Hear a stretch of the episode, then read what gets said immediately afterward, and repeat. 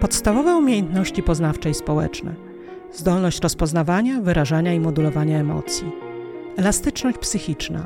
Harmonijny związek między ciałem i umysłem. To elementy zdrowia psychicznego, rozumianego jako dynamiczny stan wewnętrznej równowagi.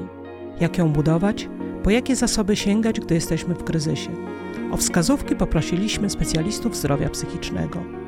Zapraszamy do wysłuchania podcastów Zdrowie psychiczne Twoja głowa w Twoich rękach.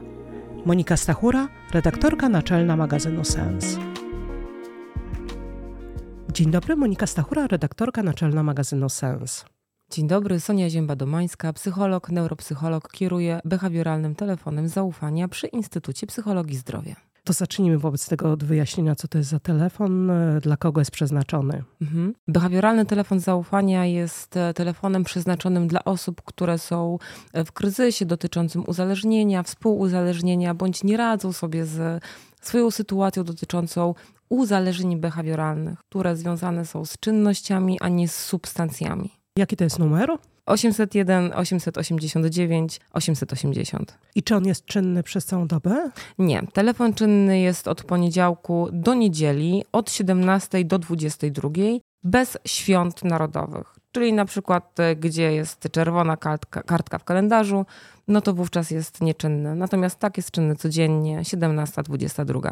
I kogo znajdziemy po drugiej stronie? Kim są konsultanci? Konsultanci to są osoby, które są psychologami, osobami, które zajmują się osobami w kryzysie, które pracują też w innych pomocowych instytucjach, które są absolutnie specjalistami w swojej dziedzinie i są przygotowane do tego, żeby jak najlepiej pomagać osobom uzależnionym, bo też mają wykształcenie właśnie w tym kierunku. Dla kogo przeznaczony jest ten telefon? To znaczy, mówi Pani o osobach, które doświadczają kryzysu mhm. albo mają tak. jakieś takie lęk, że doświadczają, czy również dla opiekunów, jeśli mówimy o dzieciach, czy też nastolatkach, którzy nie są jeszcze mhm. pełnoletni, czyli co z ich opiekunami, rodzicami? Jasne, jak najbardziej tak. Jest to telefon przeznaczony nie tylko dla osób, które są e, uzależnione bądź podejrzewają, że mogą być uzależnione od e, czynności, na przykład hazardu, internetu, telefonu, jedzenia, zakupów, pracy, ale jest on również przeznaczony dla osób, które są bliskimi takich właśnie osób, czyli tak jak pani powiedziała, rodziny, rodzice, babcia, przyjaciel, osoby, która właśnie w takim kryzysie się znajduje, ale także dla nich właśnie, żeby oni też mogli porozmawiać, co mają robić i jak mogą sobie sami pomóc. I skoro już mamy możliwość, żeby dowiedzieć się od Pani bezpośrednio, jakie najczęściej -hmm. uzależnienia się, problemy pojawiają się w takich rozmowach, to z jakimi uzależnieniami behawioralnymi borykają się dzisiaj młodzi ludzie? Najczęściej są to uzależnienia od internetu, od telefonu. Jest to również hazard coraz częściej, zaburzenie odżywiania i seks. Jeśli wspomniała Pani, właściwie zaczęła wymieniać od uzależnienia od internetu, to jest coś, co wszyscy widzimy mm. i myślę, że tak. nie tylko młodzi, to chyba w każdej grupie wiekowej. Najłatwiej jest uderzać w młodych Mm. ale wystarczy wejść chociażby do autobusu czy do restauracji i zobaczyć, że dorośli ludzie, dobrze ubrani, dobrze wysławiający się, kiedy już słyszymy i kiedy nie są e, zaangażowani w telefon. Zmierzam do tego, że wszyscy mają telefony w ręku właściwie. Mm -hmm. I mhm. chciałam się zapytać, czy to już jest, e, kiedy jest taki moment, e, kiedy możemy mówić o uzależnieniu od telefonu? Jasne. Nawiązując jeszcze do tego, o czym pani powiedziała, pani Moniko, tak naprawdę ja ostatnio robiłam eksperyment i obserwowałam osoby w metrze. Praktycznie każda osoba była wpatrzona w telefon. Więc możemy mówić tak naprawdę o pladze uzależnienia nie tylko osób młodych, ale też e, osób, które są rodzicami, nazwałabym je starszymi, ale po prostu osób pełnoletnich, rodziców, którzy tak naprawdę rozpoczynają przykład, jak z tego telefonu czy z internetu nie korzystać. I o uzależnieniu możemy mówić wtedy, kiedy bardzo dużo potrzebujemy spędzać na tym czasu i tak naprawdę jest to coraz mniej przez nas kontrolowane. Kiedy czas spędzany w internecie bądź z telefonem powoduje, że my zaniedbujemy inne czynności. Kiedy bardzo ciężko jest nam się od niego oderwać, albo nadmiarowo o nim myślimy. Kiedy widzimy, jakie są koszty tego, że w tym telefonie siedzimy. Na przykład siedzę długo, długo rozmawiam, ten czas się przedłuża i na przykład w tym czasie nie wykąpię się, nie odbędę swojej codziennej higieny, dlatego że siedziałam dłużej. Mówię, a dobra, no to jakoś to będzie. Nie pójdę do sklepu, chociaż nie mam nic do jedzenia, trudno. Nie? Czyli te czynności takiego codziennego dnia są przez nas zaniedbywane na koszt czegoś, co nas zaczyna uzależniać. To są takie pierwsze, naj, najważniejsze symptomy. Tylko myślę, że to jest e, trudno zauważyć, bo to jest w takim sensie, czy kiedy robię coś dlatego, że muszę. Wydaje się, że, bo zadałam kiedyś pytanie w jednej mm -hmm. z mhm. rozmów, które dla sensu też prowadziłam. To był trochę inny tak. kontekst, ale wtedy był temat takiej organizacji nie codziennego i zapytałam, no ale jeśli ja lubię wyjść, na przykład wyjść w piżamie do sklepu, to komu to przeszkadza? To jest mój wybór. I mm -hmm. wtedy mhm. usłyszałam, że to wszystko jest do tej pory w porządku, kiedy to mnie właśnie nie ogranicza. Kiedy to jest wybór, kiedy a nie to jest przymus. Wybór. I właśnie jak jest zobaczyć ten moment, kiedy to przestaje być wyborem, a przymusem? Jak zauważyć? Najłatwiej wydaje mi się zauważyć to wówczas, kiedy mamy taki przykład, jak pani podała, i lubię wychodzić w piżamie do sklepu. Kiedy ja to lubię, ja o tym decyduję, czyli mam nad tym kontrolę, to to jest ok.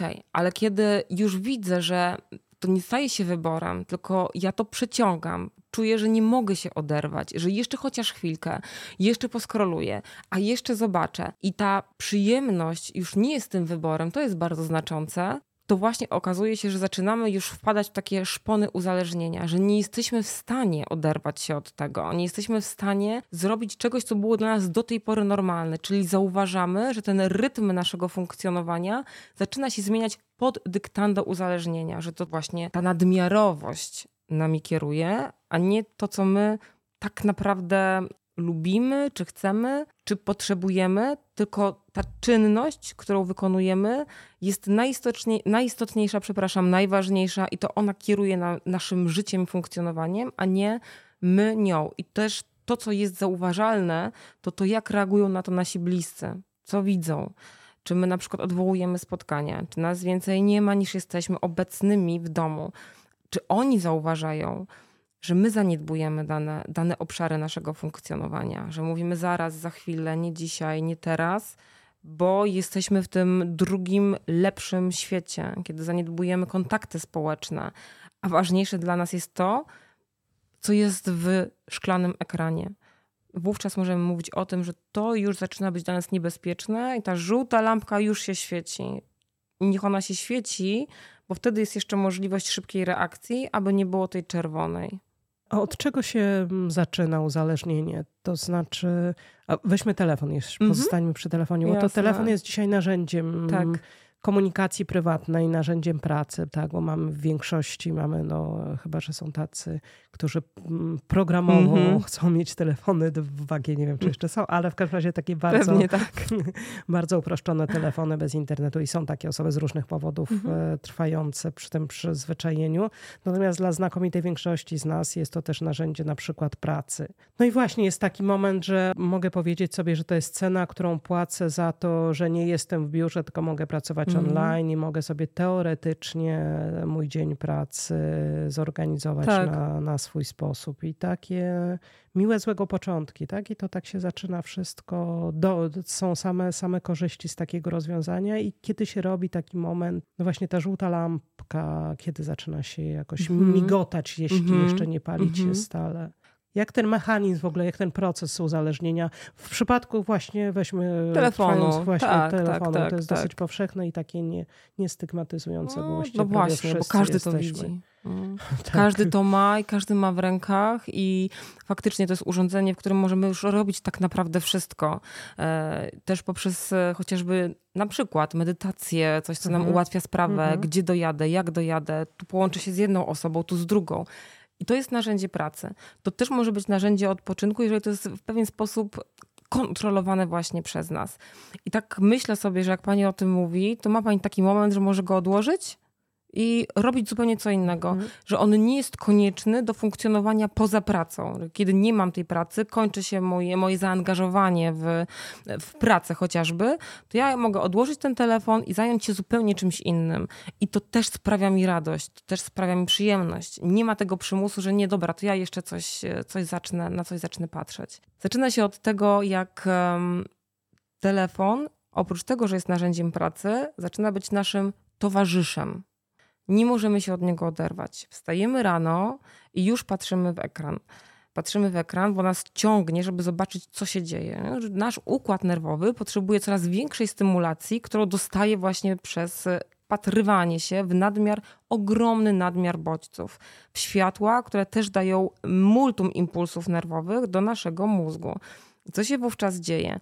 Kiedy tego jest bardzo dużo i widzimy, że gdzieś nas to uspokaja, nie musimy myśleć nad tym, co się dzieje w moim życiu, czyli tutaj dochodzimy do takiego momentu, że coś się zazwyczaj zadziewa w moim życiu, coś się dzieje, czy w kwestiach relacji, pracy, z której nie jesteśmy zadowoleni, relacji, które się psują, bądź ich nie ma, bądź jest ich za dużo. Nie? Czy to wychodzimy albo z jakiegoś braku czegoś naszego, albo być może nadmiaru. I ten telefon wówczas jest taki, a dobra, to posiedzę sobie jeszcze popatrzę. I nagle się okazuje, że nasza głowa zaczyna przy tym odpoczywać. Mówię w cudzysłowie, bo to nie jest odpoczynek. To może być chwila relaksu, jeżeli jesteśmy w stanie mądrze z tego korzystać, ale jeżeli to trwa pół godziny, godzinę i na przykład zamiast odpocząć w inny sposób, my dajemy sobie taką powiedziałabym, dawkę łagodności, ale to nie jest dawka łagodności, to jest po prostu zamykanie pewnych obszarów w naszej głowie do tego, żeby myśleć.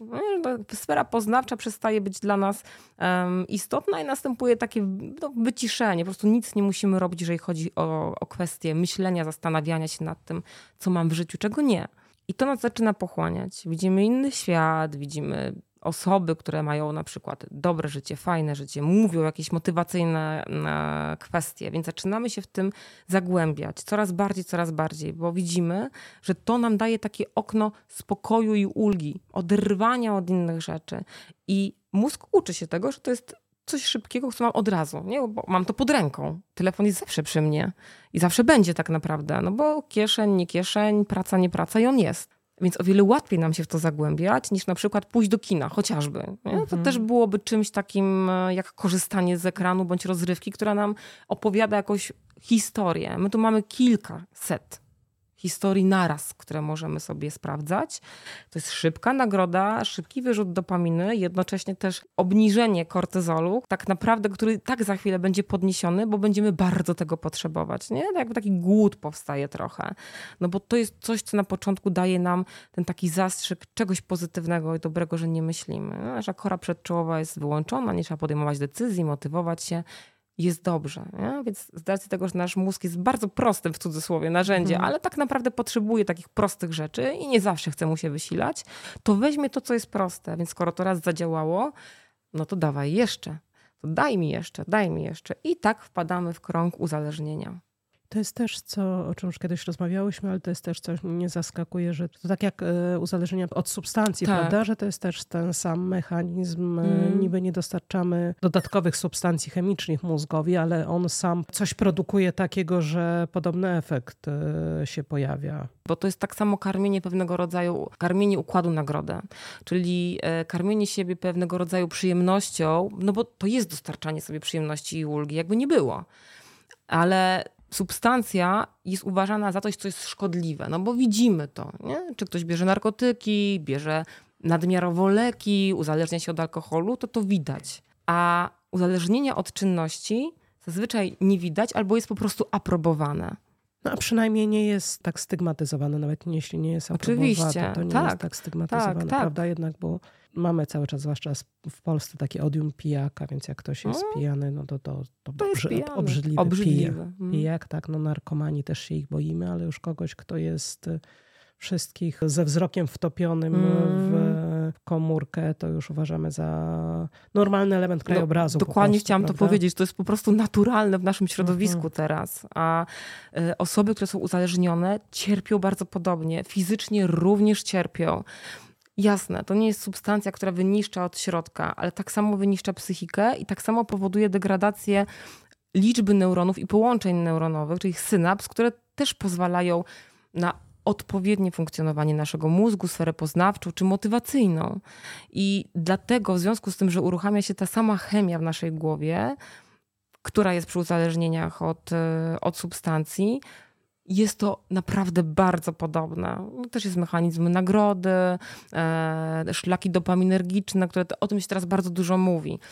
Myślę, że słusznie, chociaż to jest bardzo uproszczone. Mhm. Natomiast tak faktycznie tak jest, że ta dopamina mm, jest nadmiarowo wydzielana, obniża się kortyzol, on potem rośnie, no bo potrzebujemy, czyli jesteśmy w stresie, potrzebujemy tego jeszcze więcej, no ale jesteśmy nakarmieni tą nagrodą bardzo szybko, nie musimy czekać, tylko to jest od razu.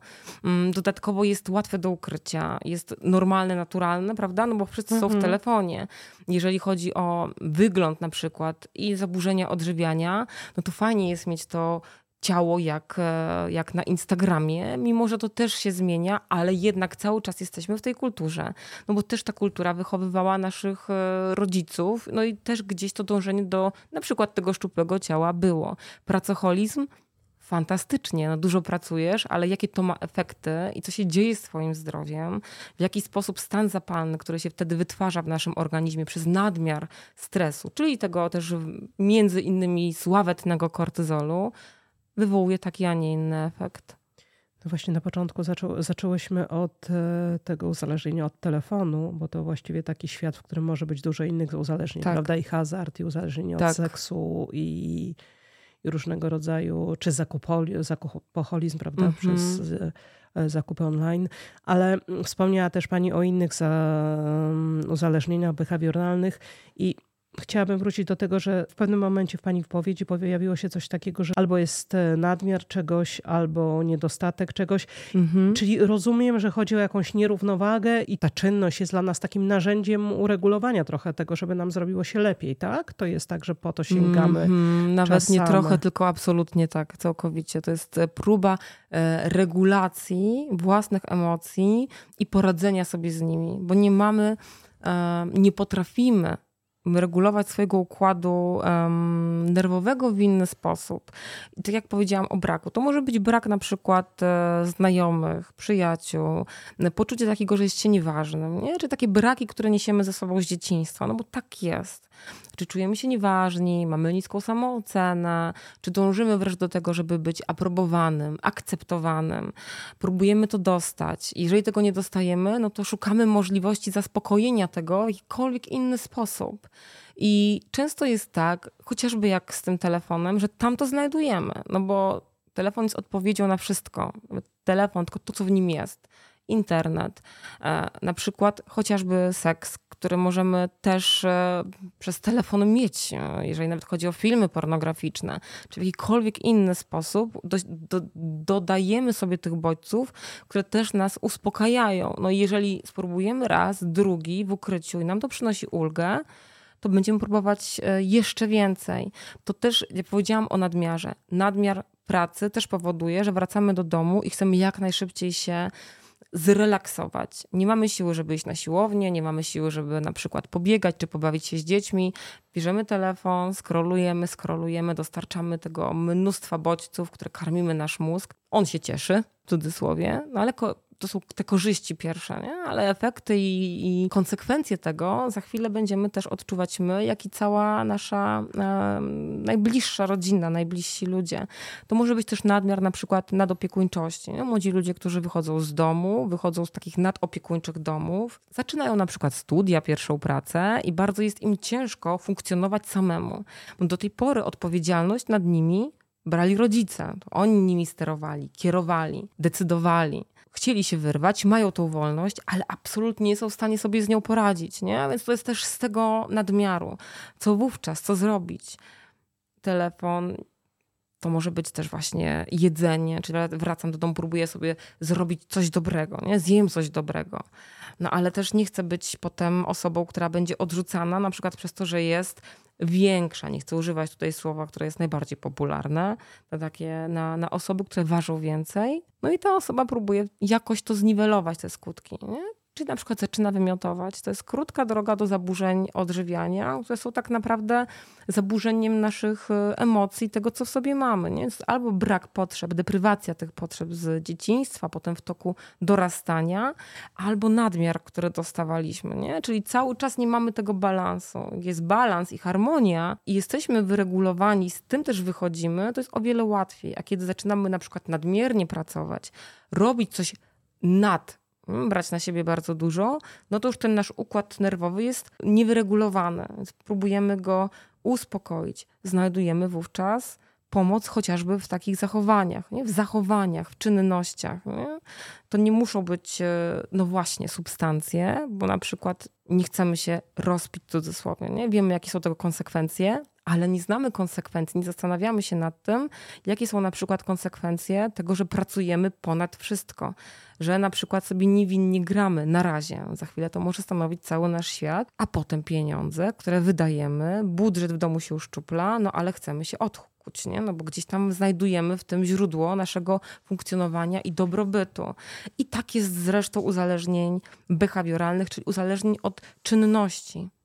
Mm, skoro zatem, to może tak trochę w, dodajmy optymizmu. Wyobraźmy sobie, że dzwoni do Państwa ktoś, może zróbmy rodzica, bo to. Mm, Jasne. E, który mówi o swoim dziecku, że siedzi same w pokoju cały czas i właściwie mm. siedzi z głową w komputerze i jeśli wychodzi z pokoju, to ze słuchawkami na uszach i ze wzrokiem wtopionym w ekran. Mm -hmm. Co, co, wtedy, co wtedy pani, co wtedy państwo mówią rodzicom? Rodzice zazwyczaj szukają rady, konkretnego sposobu na to, co mają zrobić. Liczą na to, jak najbardziej ja to rozumiem, bo chcą pomóc swojemu dziecku i są tak naprawdę bezsilni, bo no, po to też dzwonią, ponieważ nie mają już sposobu i metody. Przede wszystkim to, co mówimy, to, co staramy się wybadać, też przede wszystkim powiedzieć, jaka jest droga do uzależnienia, jaka jest tutaj psychoedukacja, bo rodzice też często tego nie wiedzą, nie rozumieją. No jak on może nie wychodzić z tego pokoju? Ciągle w tych słuchawkach, nie uczy się, nie robi tego. Nie? Więc cały to jest taki język taki bardzo wskazujący na to, jaki on, ona jest no nie chcę mówić niedobre, ale jakie tutaj występują um, wady, jakieś negatywne kwestie. Dopiero potem my jesteśmy w stanie pokazać, ok, ale on sobie coś tym zastępuje. On chce, on, ona robi tak, dlatego że nie odnajduje tego tutaj, w tym hmm. swoim życiu na co dzień. Więc na początku rodzic dostaje psychoedukację. Często wtedy otwiera oczy i mówi, mmm, faktycznie, nie myślałem, że to tak jest, że tak funkcjonuje, że on nie potrafi. Później mówimy, jak łagodnie też rozmawiać, o czym mówić, jak komunikować właśnie, że to jest komunikacja, rozmowa, rozmowa i jeszcze raz rozmowa, że czegoś być może zabrakło albo czegoś było za dużo, nie? żeby być obecnym, żeby być towarzyszem. A jeżeli w trakcie rozmowy okazuje się, że jest to uzależnienie faktycznie takie, które w jakiś sposób jest dewastacyjne dla rodziny, na przykład dla nauki, dziecko jest agresywne, nie radzi sobie już w taki sposób, że musi po prostu tą energię rozładować w sposób e, no, agresywny tak, wobec przedmiotów, wobec siebie, to wówczas wskazujemy na adresy, do których należałoby się e, udać, gdzie można zadzwonić, aby zapisać na, na wizytę do specjalisty. Do jakiego specjalisty? Bo rodzice też nie wiedzą, czy to ma być psycholog, czy to ma być psychiatra, że być może potrzebne byłoby już leczenie, ponieważ to trwa nie miesiąc, nie dwa, tylko na przykład dwa, trzy lata. Więc to też w zależności od tego, jaka jest długość uzależnienia. No bo rodzaj, to tutaj mówimy na przykład o tym siedzeniu w słuchawkach, na przykład mhm. graniu, mhm. ale też jakie zachowania zastępcze z naszej strony propozycje e, zastępcze możemy wprowadzić. Nie? Na przykład niektórzy rodzice nie potrafią wyłączyć internetu i komputera, no bo on się złości, bo jest agresywny wtedy, rzuca się na mnie, przeklina do mnie. To jak ja? No, to już wolę, żeby grał i mam spokój. No ale to nie o to chodzi, bo to wtedy jest pogłębianie całej, całej sytuacji i jakby potwierdzanie, że okej, okay, ja tak mogę robić, bo zastraszę mamę, tatę i będzie dobrze. Będę grał dalej niektóre dzieci na przykład są bite przez rodziców. Wtedy nasza rola jest w tym, żeby też powiadamiać o tym odpowiednie służby, no bo to też jest przemoc wobec dziecka, no więc to też jest nasz ratunek wobec tego młodego, zagubionego człowieka, bo on maskuje też to, że jest taki właśnie zły, agresywny, no może wszystko. Ale pod tym pancerzem jest naprawdę mm, bardzo zagubiony, cierpiący młody człowiek. I jak my zobaczymy w tym uzależnieniu człowieka, niezłośliwego, nie manipulującego, tylko cierpiącego. E, I powoli będziemy rozbrajać tą jego zbroję, jeżeli to jest jeszcze na to czas, to możemy to zrobić w sposób naprawdę łagodny, rodzicielski, taki będący obok, nie? żeby on wiedział też, że może rozmawiać z nami, że jesteśmy otwarci, że nie zmusimy go do niczego, ale że jesteśmy. Czy to nawet przyjściem do tego pokoju. Czy nawet y, pamiętam taką sytuację, że jedna z mam, która dzwoniła, powiedziała, że w życiu nie usiędzie przy drzwiach dziecka w pokoju, bo to jest uwłaczające. I to, o czym w ogóle my mówimy? Nie ma opcji nawet. Ona tego nie zrobi. A to znaczy y, po drugiej stronie, żeby siedziała w oczekiwaniu na dziecko? Na przykład, żeby tak. młody człowiek nie chciał wpuścić do, do pokoju, bo grał, nie mhm. chciał rozmawiać. Mama nie chciała, tak zaproponowała jedna konsultantka, zresztą mhm. bardzo słusznie, mhm. że po prostu usiadła i poczekała, że tutaj jest, że jest gotowa. I to się naprawdę udaje, kiedy rodzic wykazuje cierpliwość. Kiedy rodzic jest po prostu, że on może być partnerem w rozmowie, a nie być takim krytykującym, e, takim naskakującym i tylko wymagającym, bo to niczego nie daje. Jeżeli są same wymagania, to dziecko się będzie zamykało powoli. Jeżeli my to znowu wybalansujemy i damy też czas temu młodemu człowiekowi, żeby on otworzył nam siebie, bo my jesteśmy otwarci, potrafimy powiedzieć przepraszam, być może zawaliłem, być może zawiodłem, ale zależy mi na tym, żebyś był ze mną w dobrych kontaktach, bo cię kocham, bo jesteś dla mnie ogromnie ważny. Chcę, żebyś to wiedział, widział. To mięknie. Bo to są właśnie te emocje, które są tak ważne pomiędzy nami, jeżeli chodzi o komunikację. Zatem wyobraźmy sobie właśnie taką sytuację do mm -hmm. początku wracając, czyli takie dziecko, które część oczywiście zawsze jest mm. takiego momentu niewiedzy, ile w tym jest takiego buntu nastoletniego, kiedy najgłupszymi rodzic, osobami na świecie są oczywiście rodzice, a ile już w tym się robi problemu, jak zacząć taką rozmowę mhm. i też na co się nastawić, no bo może nie być miękko, prawda? I, i, ile, I ile prób podejmować, czy po prostu te słynne 77, czy, czy jakoś e, mhm. stopniować, gradować tę interwencję, jak, jak interweniować? Powiem, to zależy, e, dlatego że to zależy od naszej relacji z dzieckiem, e, od momentu, w którym zaczynamy rozmawiać. Tu dam przykład, jak dziecko wraca ze szkoły, jest naładowane pewnymi emocjami, czy jest złe, to wtedy nie warto rozmawiać o tym, że jest uzależnione od komputera i znowu i znowu, bo to nam w ogóle nie pójdzie. Ja bym zaczęła od tego, żeby znaleźć odpowiedni moment jeżeli padłoby pytanie, jaki to jest odpowiedni moment, ciężko mi też jest mhm. powiedzieć, bo to też zależy właśnie od, od tego, co się w danym momencie dzieje. Ale żeby to na przykład nie było w sytuacji, kiedy, nie wiem, młody człowiek myje zęby, kiedy jest w pokoju i z kimś rozmawia przez telefon, bo to nie są te sytuacje. Tylko um, z zachowaniem szacunku do jego osoby, że coś robi na przykład, z zapytaniem, czy mogę wejść, chciałabym porozmawiać, chciałbym porozmawiać. Teraz gram na przykład. To kiedy będzie taki moment? Czy to może być w przeciągu godziny, albo wieczorem, nie? żebyśmy też dali taką możliwość mm -hmm. zadecydowania. Mm -hmm. Wtedy będzie o wiele łatwiej. Jeżeli powie nie wiem, to też możemy przyjść tyle razy, ile chcemy tak naprawdę, bo możemy mówić o 77 razach, 10, e, to zależy od nas, ale ja bym się nie poddawała w taki mhm. naturalny, nienadmiarowy sposób, że co 10 minut już, mhm. ale już mhm. nie, tylko dać też mhm. przestrzeń do tej komunikacji, powiedzieć, że się jest mhm. gotowym na to mhm. e, i wychodzić z taką równością, nie jako taki karzący rodzic, że tu znowu coś, tylko rodzic, który jest łagodny. I też próba mówienia w języku korzyści i takiego mm, wspierającego, rodzica, który widzi dobro w danym człowieku, tym młodym człowieku, zauważa jego dobre cechy, jego dobre mm, zachowania, momenty, jego jako człowieka po prostu, że jest cenny taki, jaki jest, bo my często też w tym zapominamy jako rodzice. Nie zrobiłeś tego, a zrób to i to się zapętla, albo tego jest zdecydowanie więcej. Tu znowu bym to wyłagodziła.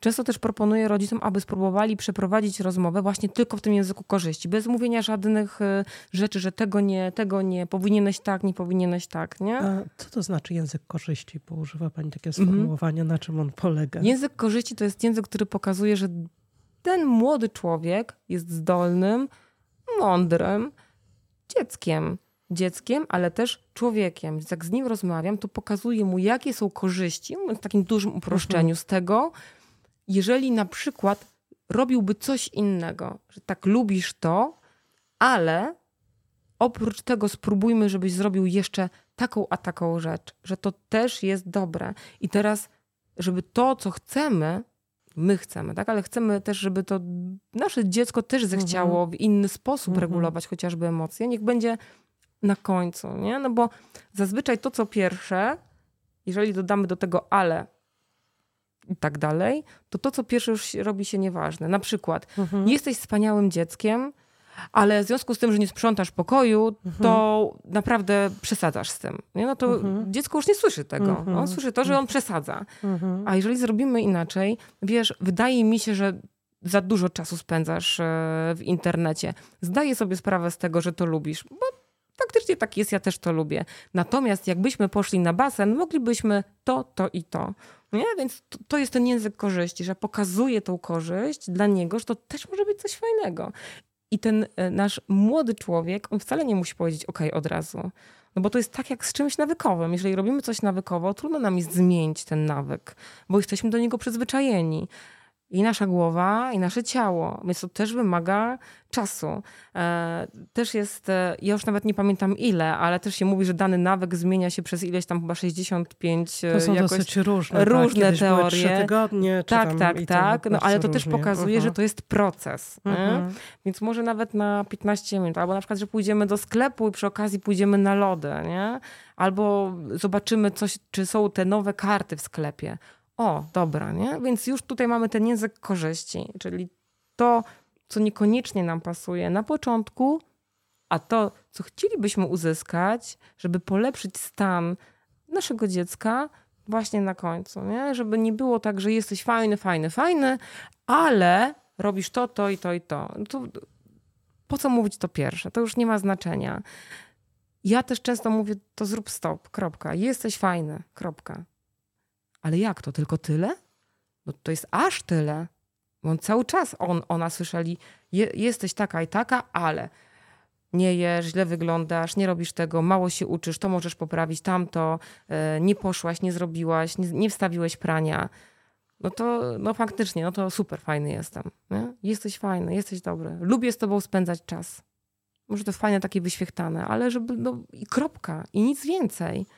Nawet przez te parę dni. I rodzice mówią, ale jak ja dam radę? No właśnie. I tutaj się pojawia nasza rola wtedy w tym, nie? że my, nam jest ciężko tak na dobrze. Nie? Ale to bardzo pomaga w tym, żeby ten młody człowiek wychodził z uzależnienia, jeżeli jest już gdzieś tam jedną stopą w nim, albo w nie nie trafił. W ogóle jest zdumiewające poniekąd, ponieważ e, coś takiego powiedzenie jest jednak dziecko, które zazwyczaj się kocha jednak poza przypadkami hmm. patologicznymi, że jesteś fajny, fajna i to zatrzymanie na tym komunikato i powtarzanie tego przez trzy dni, jeśli to jest takim problemem dla rodziców, no. to jak można temu dziecku cokolwiek innego zaoferować, mm. prawda? Czy to zaoferować tak. alternatywę do tego jego sposobu, w pewien sposób destrukcyjnego tak. spędzenia czasu. Też jeszcze dodam do tego, że często jest tak, że młody człowiek idzie w środowisko, które zazwyczaj jest albo podobne do niego, albo go odtrąca. Czyli też tutaj musimy dbać, czy musimy dobrze by było, abyśmy dbali, wiedzieli, w jakim środowisku nasze dziecko się obraca i co w tym środowisku, na przykład szkolnym, czego doświadcza tam, co je czeka. To, co możemy zaproponować, to są właśnie takie proste rzeczy, które, no jeżeli nie mówimy o patologii, które naprawdę mogą z nas e, wypłynąć. I przyjrzenie się przede wszystkim temu, czy to jest nasza chęć, czy dziecka. Nie? Czy to nie jest tak, że ja bym chciała, chciał, żeby to moje dziecko było takie i takie. A ono jest odrębną jednostką, nie będzie naszą kopią, bądź wymarzonym prawnikiem, wymarzonym lekarzem. Może sobie być archeologiem, też wymarzonym. Nie? Powinniśmy cieszyć się z tego, że nasze dziecko wybiera coś, co będzie mu pasowało, co chce robić, a nie coś, do czego będzie przymuszone. I też możemy to sobie troszeczkę przekierować na nas. To nas frustruje to, co się dzieje z dzieckiem, zdajemy sobie z tego sprawę, ale na poziomie naszego dojrzałego mózgu, nie na poziomie dziecka, które nie widzi tego i słyszy na przykład, nie siedź w tym telefonie, bo to jest tylko krzywda dla oczu, będziesz się ogłupiał, tak dalej, tak dalej. Koniec. Tu nie ma rozmowy. Tu jest tylko monolog. Właśnie dotknęła Pani też tego momentu, że właśnie dzieci są młodzi, znaczy tacy młodzi dorośli albo dorastająca młodzież, to jest jeszcze taki moment, kiedy cały układ nerwowy, prawda, nie jest ostatecznie ukształtowany, więc to też e, ci młodzi ludzie nie mają po prostu umiejętności i kompetencji do tego, żeby pewne rzeczy przyjąć, no i jeszcze po prostu tego nie wiedzą, nie umieją. Tak, i my często nie zdajemy sobie z tego sprawy jako osoby dorosłe, że mózg nastolatka, młodego człowieka, nawet osiemnastolatka, dziewiętnastolatka, dwudziestolatka nawet, to są jeszcze niedojrzale rozwinięte mózgi. Aż mózg rozwija się tak w pełni do 26 roku życia i absolutnie są osoby, które ponad swój wiek wybiegają. Są też takie, które trochę są poniżej normy. Natomiast cały czas jest to kształtowanie się, zarówno nasze biologiczne, jak i środowiskowe też często kulturowe. Ten młody człowiek nie wie za bardzo, za czym ma trochę iść, nie? Czy być bardziej sobą, co też teraz jest gdzieś na piedestale i szukać tej grupy odniesienia, w której będzie akceptowany, bo na tym mu bardzo zależy, czy też gdzieś być bardziej wolny, mm, nie taki jakby chcieli inni, nie? bo on też się z tym, e, z tym zderza.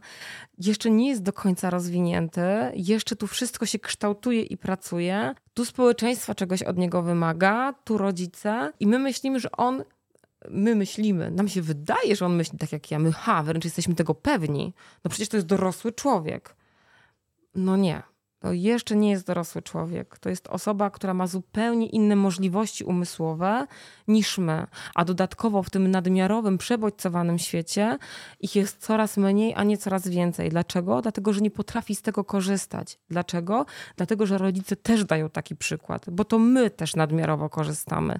Rozmawiając, yy, skrolujemy, rozmawia- yy, jedząc obiad, siedzimy w pracy, mhm. jedząc obiad, rozmawiamy z kimś, ale jednocześnie sprawdzamy coś. Jesteśmy super wielofunkcyjni, a nasza głowa wcale nie jest taka wielofunkcyjna, bo zaczyna się gubić, jest w chaosie, ale dajemy przykład.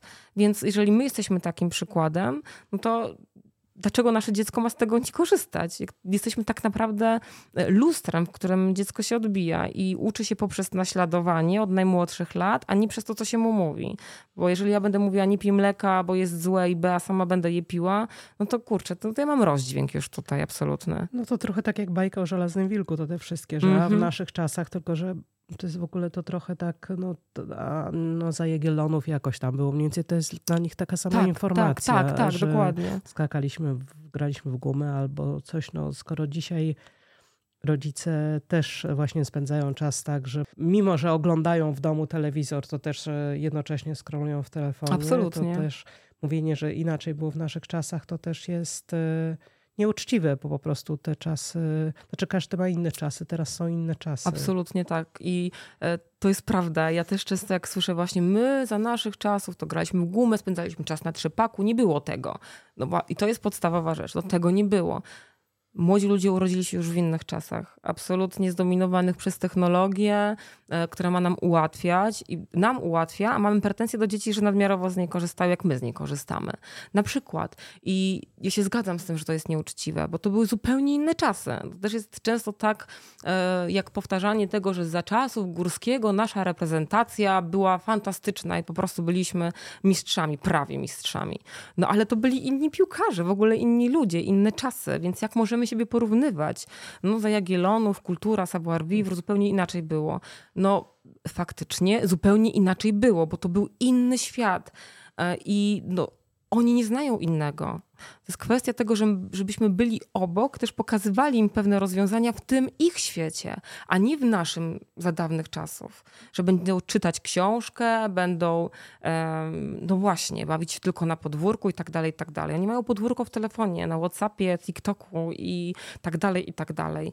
Oni mogą z tego korzystać. To też nie chodzi o to, żeby zabronić całkowicie, tylko niech to będzie mądrze i żeby oprócz tego była inna alternatywa, żeby to była zabawa, e, przyjemność, a nie regulacja. Nie? To chodzi o to, żeby też rozmawiać i, i pokazywać to młodym ludziom. Nie? Też dawać właśnie te rozwiązania takie trochę offline'owe jednak, nie? że są inne możliwości, że ta rozmowa z drugim człowiekiem, tak jak my teraz siedzimy, to jest co innego niż rozmowa przez na przykład WhatsApp, gdzie traci się kontekst, nie widzi się tej drugiej osoby, nie ma tego kontaktu fizycznego, mm -hmm. energii, która płynie mm -hmm. pomiędzy dwojgiem ludzi. I to jest cenne, nie? No bo potem telefon pewnie będzie gdzieś tak, że to będzie wszystko ewaluowało, ale jednak człowiek jest zawsze człowiekiem i daje sobie to, co, to, co powinienem w kontakcie z drugą osobą taką no face to face, a, a nie przez pisanie, co tam, jak tam i takie odhaczone. Tak, to też jeszcze przyszło do głowy a propos technologii, skoro my też korzystamy i mamy z jednej strony jest tak, że nam jest bardzo wygodnie, że dzieci są tak biegłe w technologiach i jak jeśli nie możemy czegoś znaleźć albo aplikacji, nie potrafimy sobie z aplikacją, to no, mhm. oczywiście wołamy dziecko, tam wyrywamy, tak. żeby, żeby nam tak, w czymś dokładnie. pomogło ale jednocześnie też mamy do nich trochę pretensji, że są za bardzo biegli w tym, prawda? Więc, że nas wyprzedzają. Że nas mm -hmm. wyprzedzają, tak, więc to taki... No to takie pogodzenie nasze, nasze, nie? Z tym, że jednak ci młodzi ludzie mm, no, potrafią więcej może, ale to też można przekuć na język korzyści właśnie, że szybko się możesz uczyć, nie? że potrafisz tak e, szybko łapać E, myślę, że będzie ci dobrze szło w takich i takich e, przedmiotach, albo tu i tu byś się mógł sprawdzić. Nie? Czyli pokazywanie, że to nie tak, że super idzie ci w telefonie, tylko na przykład te umiejętności, które wykazujesz teraz, że jesteś taki biegły, tak szybko potrafisz łapać pewne rzeczy, kojarzyć. Przyda ci się w tym i w tym. No, czyli odchodzimy trochę od tego, że to jest telefon, ale pokazujemy, że nasze dziecko ma umiejętności, no, które są lepsze od nas. Jemu jest z tym bardzo dobrze.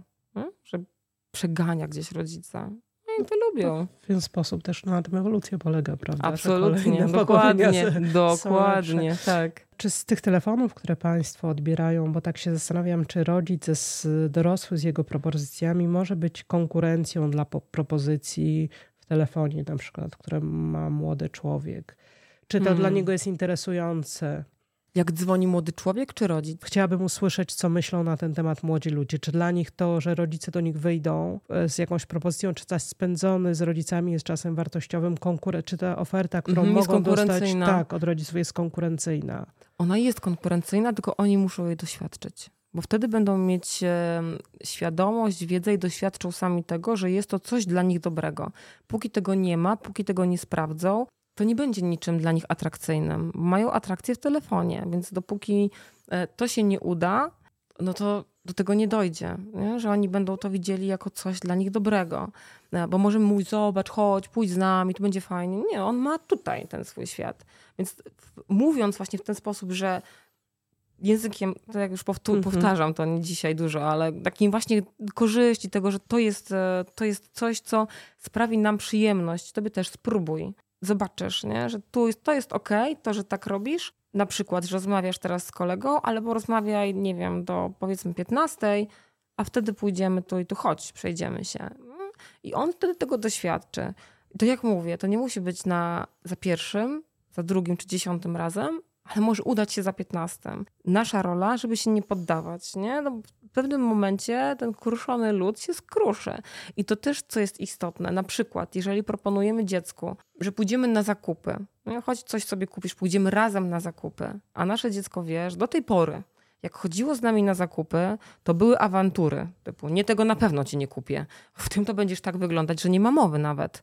Takie buty za drogie. No to on sobie myśli, on, ona, no świetny pomysł, naprawdę, zakupy, ekstra to też przekalkulujmy trochę, przeanalizujmy samych siebie najpierw, czy to, co proponujemy, będzie faktycznie dla tego naszego dziecka czymś, co sprawi mu przyjemność. Nie? Czy on doświadczał już tego, co proponujemy wcześniej, jako coś fajnego, albo nie. Bo to też, jeżeli na przykład ma być wyjście na basen, zastanówmy się, czy to ma być dla nas przyjemność, czy dla tej naszej e, młodej córki, młodego syna. Bo to też jest istotne. No więc jeżeli proponujemy coś, co na przykład w doświadczeniu było no, mało przyjemne, to ten młody człowiek się nie zgodzi, bo dla niego to jest zupełnie nieatrakcyjne. Więc wychodźmy z propozycjami, które będą być może zaskakujące, być może takie, które są z myśleniem o tej drugiej stronie. No, że na przykład e, nasze dziecko bardzo lubi e, gry, zaproponujmy mu na przykład, że pójdziemy, nie wiem, na przykład na... na escape roomu, nie wiem, czy to jest atrakcja No dla dokładnie, ludzi, no pewnie, dla es... No, może być escape room, e, może być, e, nie wiem, jakiś labirynt, bo też są teraz takie mm -hmm. labirynty. Nie pamiętam, jak to się nazywa, ale to chyba jest fly spot, jak zakładamy taki, można założyć skafander i się tak. w takiej rurze lata. To, to, to, to jest atrakcja. Nie? Nie, go kartę na przykład, e, coś w tym stylu. Albo że na przykład pójdziemy na wspólne zajęcia sztuk walki. No to, to już jest fajne, nie? No bo idziemy na coś, co lubi ta druga strona, ale też patrzy na rodzica, który też to się angażuje i na przykład mu nie wychodzi, albo wygląda to śmiesznie i też możemy się tym świetnie bawić. I to jest wtedy atrakcja. On wraca do domu i nawet jak usiądzie do tego komputera, telefonu, to on będzie pamiętał, że te momenty, które przed sekundą przeżył, były naprawdę atrakcyjne i sprawiły mu dużo radości i że naprawdę było fajnie. Więc kolejny raz może odmówić, ale już za trzecim razem mówi, o dobra, to idziemy. No tak, bo to było fajne, to mi się podobało. Nie? Więc zaczyna łapać wtedy ten zupełnie inny kontekst sytuacji bycia z rodzicem. Bycia z nim i też tego, że to, co jest poza ekranem, jest również atrakcyjne. I wtedy nie dość, że my nawiązujemy więź, bliskość pokazujemy, jesteśmy otwarci, akceptujemy cię takim, jaki jesteś, nawet jeżeli coś ci nie wychodzi, ale dodatkowo potrafimy rozmawiać i razem spędzać czas bez okładania słowami, że jesteś taki, nie zrobiłeś i tak dalej, i tak dalej. I wtedy wychodzimy na prostą, wtedy łapiemy właśnie ten balans, który jest tak bardzo potrzebny w naszych relacjach i w ochronie przed uzależnieniami. Puentując są również badania e, Duńskiego Instytutu Badań nad Szczęściem w Danii. Mm -hmm. Oni się lubują tak, tak, w tak, takich tak. różnych e, statystykach, które wskazują na to, że na nasze poczucie szczęścia wpływają też dobre wspomnienia, więc myślę, że to jest akurat taka okazja, to są dobre wspomnienia zarówno dla młodych ludzi, jak i dla dorosłych. Absolutnie się zgadzam. Tak, wspomnienia są fantastyczne i naprawdę nasz e, układ nerwowy bardzo się łagodzi w momentach, kiedy wspomnienia wspominamy miłe chwile. Nie? To jest coś, co mamy tak naprawdę na wyciągnięcie ręki, takie lekarstwo. Jak jest nam źle, możemy powspominać coś dobrego i zupełnie inaczej wtedy funkcjonujemy, dlatego że nasz mózg, jeżeli przypominamy mu te obrazy, czuje się dokładnie tak, jak w tamtym momencie. No, nawet w treningu mentalnym, na przykład dla sportowców, jest tak, że e, prosimy ich, żeby na przykład wyobrazili sobie swój sukces, jak biegną właśnie w tym danym biegu. I organizm zaczyna to odczuwać na poziomie fizjologicznym, dokładnie jak te momenty. Tak samo jest ze wspomnieniami. Jeżeli to były dobre wspomnienia, że byliśmy na plaży, wyjechaliśmy nad morze, było super, ciepło, fajne atrakcje, spędzaliśmy fantastycznie ze sobą czas, przypominamy to sobie i tak autentycznie zaczynamy się czuć, więc jest to ogromnie warte. Bardzo to brzmiało, błogo zabrzmiało. Dziękuję bardzo. Ja również bardzo dziękuję. Chcesz dowiedzieć się więcej? Zapraszamy do miesięcznika Sens i na portal zwierciadlo.pl. Inspirujemy do rozwoju przez cały rok. Monika Stachura, redaktorka naczelna Sensu.